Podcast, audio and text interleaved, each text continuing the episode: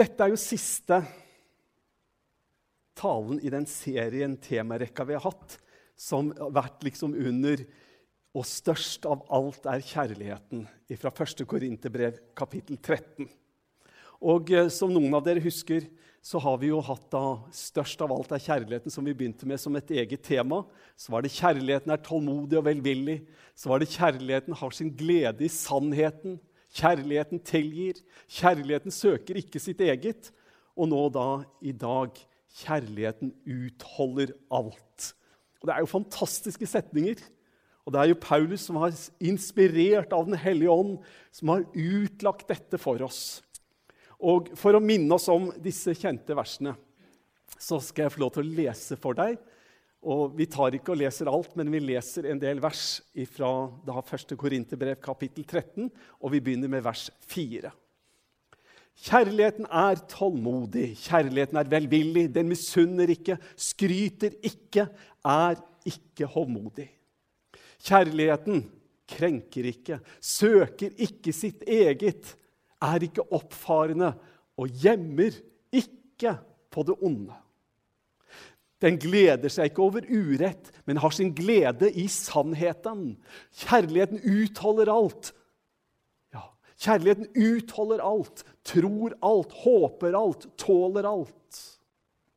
Kjærligheten tar aldri slutt. Så blir de stående, disse tre. Tro, håp og kjærlighet. Men størst blant dem er kjærligheten. Amen. Når vi leser disse versene, og vi leser om hvordan Paulus beskriver På mange måter så beskriver han Guds kjærlighet. Han beskriver hvordan vi får lov til å oppleve Guds inngripen i våre liv som noe som vedvarer, som aldri tar slutt. Da har jeg lyst til først å si at det, når vi møter den kjærligheten, så er det sånn at nesten alt blir snudd litt sånn opp ned. Det blir annerledes.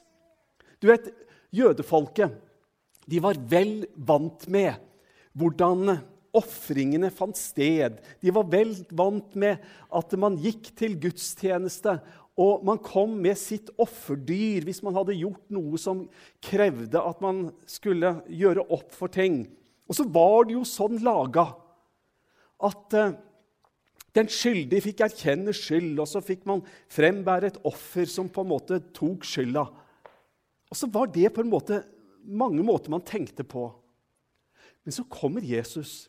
Tenk hva Jesus sier. For Jesus han sier, 'Jeg er den gode hyrde'.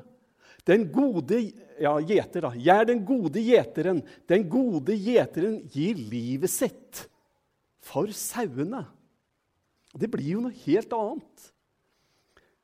Vi får lov til å se en kjærlighet der ikke fokuset er på hva jeg skal få, og hva jeg kan få til av mitt, men som gir. For den kortvarige kjærligheten, den tror jeg på mange måter preges av at det er hva jeg kan få, som blir i sentrum. Mens den langvarige kjærligheten, den kjærligheten som aldri tar slutt, den som skal bestå faktisk i tid og evighet, den har ikke fokuset på hva jeg kan få. Men det er noe revolusjonerende med det Jesus sier. Den gode gjeteren gir livet sitt for sauene. Jesus forklarer det egentlig også når han sier at ingen har større kjærlighet enn den som gir livet for vennene sine. Det er forskjell på det å kreve og det å gi. Det første tar ofte slutt raskt, mens det andre ja, det varer ved. Det tåler alt. Det Det tar aldri slutt. Du, jeg hørte en, en, en, flott liten historie her for en stund siden. Det var en gutt. Han var kanskje ikke bare lykkelig, for, for han ble erta litt. For han hadde så masse fregner. Og jeg, Fregner er jo ikke noe galt med det, men, men søstera hans syntes at det var noe galt med fregner. Og søstera erta han sa det at 'du har så mange fregner'. Så kom hun på det at Før så hadde du så mye fregner, nå har du bare én. For de har grodd sammen, alt sammen.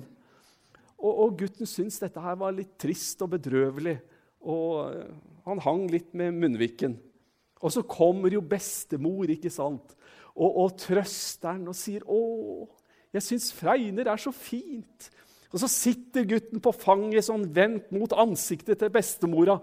Og så sier bestemor, 'Jeg synes fregner er så fint. Kan du tenke deg noe som er finere i et ansikt enn fregner?' Og det kan jo ikke gutten. Han sitter der og tenker 'Jo', sier han. 'Jo, jeg kan tenke meg noe. Jeg kan tenke meg at kanskje rynker er enda finere enn fregner.' Og Det er jo ikke så rart at man kan tenke sånn når man sitter og ser inn i et bestemors ansikt. Og det er noe som gjør at man ser annerledes på ting. Det er noe som gjør at man får de store linjene og får evnen til å se at det er noe som gir, og som ikke krever. At man ser forbi det, det liksom som, som synes på overflata, og får noen kvaliteter som har dette i seg, at de varer ved. Kjærligheten, den tåler alt. Den kommer fra Gud. Så derfor så tror jeg man kan si at kjærligheten, den er like gammel som Gud selv. Den har ingen begynnelse og får ingen slutt. Den varer ved. Og dere, når jeg sier det, kjærligheten er like gammel som Gud selv, den tar aldri slutt. Da er det en enorm setning. Altså, Det at Gud ikke slutter å elske oss mennesker For tenk hva hans kjærlighet har holdt ut med. Dette bildet som dere ser, det er jo bildet av to barn som sitter i en mer eller mindre ruinhaug. Tenk, tenk hvor flinke vi mennesker er. Tenk hva vi klarer å bygge av teknologi og alt mulig greier. Og så bruker vi det også på å sende de mest avanserte våpen og ødeleggelsesgreier inn over uskyldige mennesker. Og, og, Gud han sitter i sin himmel hvis vi får bruke et sånt uttrykk, og ser ned på alt det vonde. Tenk hva hans kjærlighet tåler. Jeg mener ikke at vi skal legge ned forsvaret vårt. Det er ikke et argument for det. Men jeg mener bare at jeg er imot krig. Jeg er imot, ja, jeg er, jeg er imot vold. Jeg er imot drap. Jeg er imot utnyttelse. Jeg er imot sexslaveri. Jeg er imot mord osv. Og, og vet du hva? Det er Gud også. Mye mer enn hva jeg er. Han er det til det fullkomne. Og jeg tror Gud, hvis vi igjen skal bruke menneskelige ord som slett ikke er dekkende Men jeg tror Gud er rasende. Vi leser om Guds vrede. Jeg tror Gud er rasende når han ser ned hvordan vi mennesker behandler hverandre, og når uskyldige mennesker lider. Men tenk, hans kjærlighet tar ikke slutt. Jeg syns det er helt ufattelig hva hans kjærlighet tåler når han ser hva vi gjør med hans barn, og hva hans barn gjør mot hverandre. Vi møter en kjærlighet helt uten grenser. Og det er når vi sier at kjærligheten tar aldri slutt, den overvinner alt Tenk hva Guds kjærlighet tåler. Tenk hva du og jeg også har gjort, som ikke har gjort noe forandring med Guds kjærlighet. Jeg har sagt det mange ganger at vi kan ikke gjøre noe som får Gud til å elske oss mer. Men det er stort. Men jeg har en setning som egentlig kanskje er enda større. Vi kan ikke gjøre noe som fører til at Gud elsker oss mindre. Det er, det er, så sterke ord at det er bare så vidt jeg tør å si det. Men hvis jeg tror på at hans kjærlighet er evig og fullkommen og ubegrensa og varer ved, så må jeg jo få lov til å si du kan ikke gjøre en eneste ting uansett som vil føre til at Gud begynner å elske deg mindre. Det betyr ikke at han ra ikke raser over urettferdighet og ondskap, men hans kjærlighet til oss mennesker den blir ikke påvirka av det. Du, Kjærligheten tåler alt, sier vi. Kjærligheten er en frukt. Ja, jeg skjønner at bildene kan eh, være litt vanskelige. Men, men kjærligheten er på mange måter en frukt. Fordi at eh, kjærligheten, det er noe som Gud legger ned i våre liv ved Den hellige ånd. Jeg må lese for deg fra Galaterbrevet kapittel 5. For der, der står det i Galaterbrevet Men åndens frukt er kjærlighet, glede, fred, overbærenhet, vennlighet, godhet, trofasthet, ydmykhet og selvbeherskelse. Og du legger merke til, som en del bibelkommentarer også gjør, at det første som nevnes, det er om at men åndens frukter er kjærlighet. Og så argumenteres det med, og det tror jeg er helt riktig, at i kjærligheten så ligger alt dette andre. I kjærligheten, ja, så, så, så ligger glede, så ligger fred, overbærenhet, vennlighet, godhet, trofasthet, ydmykhet og selvbeherskelse. Kjærligheten er på mange måter den første og den største frukten, og det er Den hellige ånd som arbeider dette fram i oss. Den påvirker vår personlige karakter. Den kjærligheten som varer på tross av, ikke bare på grunn av. Den som ikke slokner. Det er Guds verk i oss. La meg gi et par råd vedrørende kjærlighet og kjærlighetsliv og ekteskap. Til sommeren så begynner Geir Danne og jeg på vårt 40. år etter eh, vi ble via. Så da må jeg ha lov til å si bitte lite grann. Ikke sant? La meg gi noen råd. Eh, man kan tenke at eh, det å finne seg en ektefelle og hun er jo så tiltrekkende, hun er jo så sexy, hun er jo bare så fantastisk.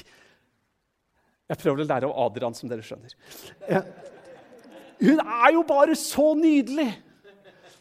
Og dere, jeg tenker jo at det, kanskje det kan være litt dumt å ikke tenke noe på karakter og på personlighet.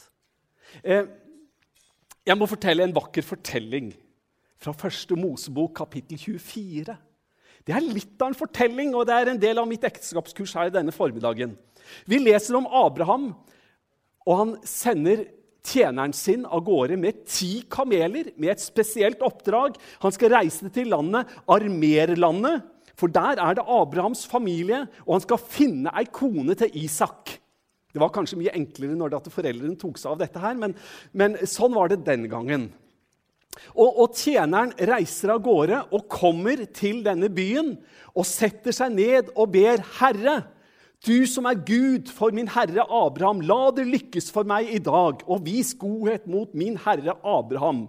Så blir, bestemmer han seg for at jeg skal sitte her ved brønnen, og så når folket kommer ut, og jeg ser ei, ei fin jente, så skal jeg spørre henne om å gi meg vann. Og hvis hun sier ja, du skal få vann, og jeg skal også gi kamelen dine vann, så er det henne som du har utvalgt som kone til Isak. Litt av en fortelling. Og han sitter der, og Rebekka kommer. Og, og tjeneren spør kan du gi meg noe å drikke.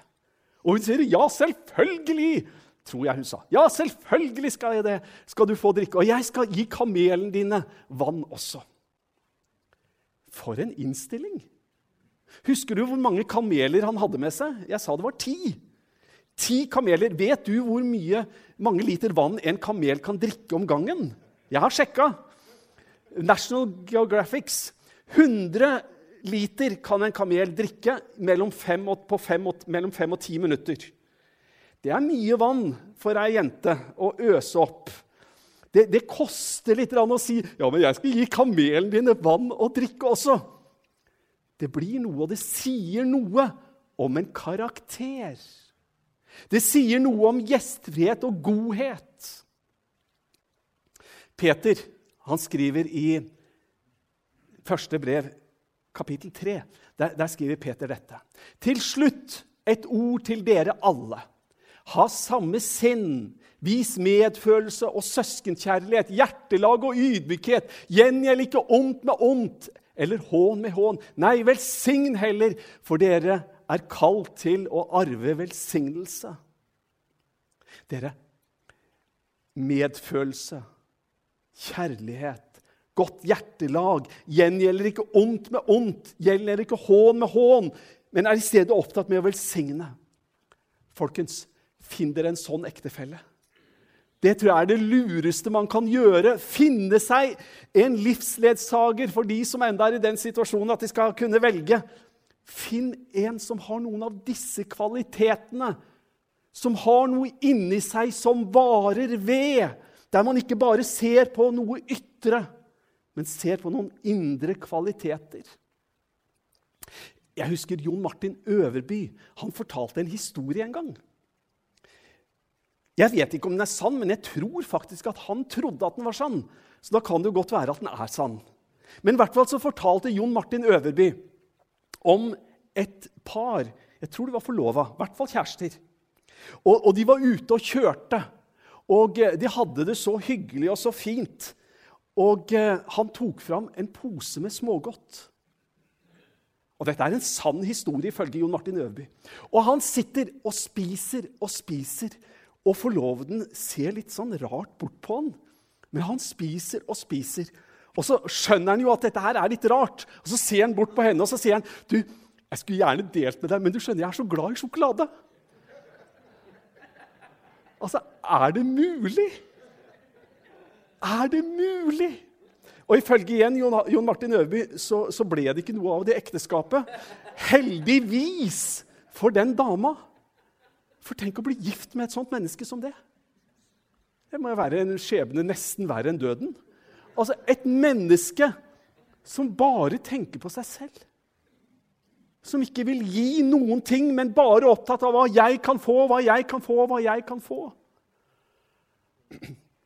Du må gi meg litt klang på, på mikrofonen her.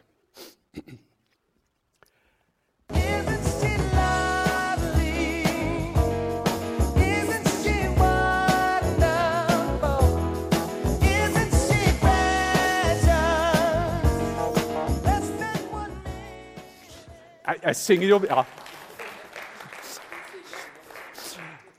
Dere, hva, hva, hva, er det Steven Wonder synger om? Han synger om Isn't she lovely? Isn't she wonderful?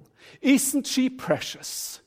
Altså, Er hun ikke elskverdig? Er hun ikke fantastisk? Er hun ikke verdifull?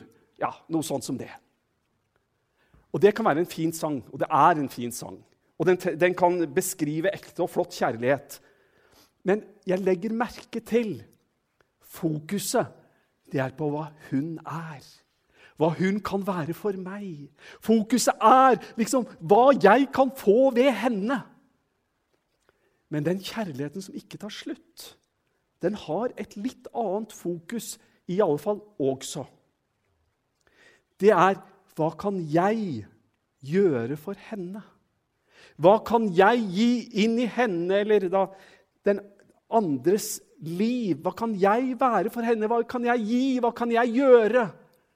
For hvis fokus er bare på hva hun eller han er, så blir det mye På tross av at det høres fint ut, så blir det mye jeg selv som er i sentrum.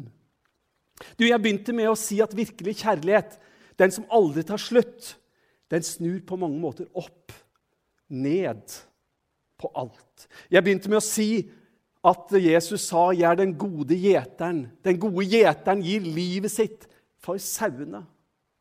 Jeg siterte også fra eh, Johannes kapittel 15, hvor eh, det står Ingen har større kjærlighet enn den som gir livet for vennene sine. Og dere, kjærligheten tar aldri slutt. Det er forskjellen på den kjærligheten som krever, og den som gir. Det første tar slutt. Det andre har en kvalitet i seg som varer. Det står om Guds kjærlighet at den tåler alt. Guds kjærlighet Hør her. Guds kjærlighet det er på mange måter beskrivelsen av Gud. Ja, Det er ikke så rart at det er sånn når Bibelen sier at Gud er kjærlighet. Han er ikke bare kjærlig, men Gud er kjærlighet. Da blir kjærligheten, den ekte kjærligheten, det blir en beskrivelse av Gud. Og Guds kjærlighet, den er Nå skal jeg si tre ord. Guds kjærlighet, den er ubegrensa. Tenk på det. Den favner absolutt alle. Den, den kjærligheten er ubegrensa, og så er den Og hør, gode medvandrere den er ikke bare ubegrensa, den er ufortjent. Helt ufortjent. Og til slutt Altså, den er, den er ubegrensa, ufortjent. Og det tredje ordet er den er evig. For den tar aldri slutt. Og Guds kjærlighet, den tåler alt.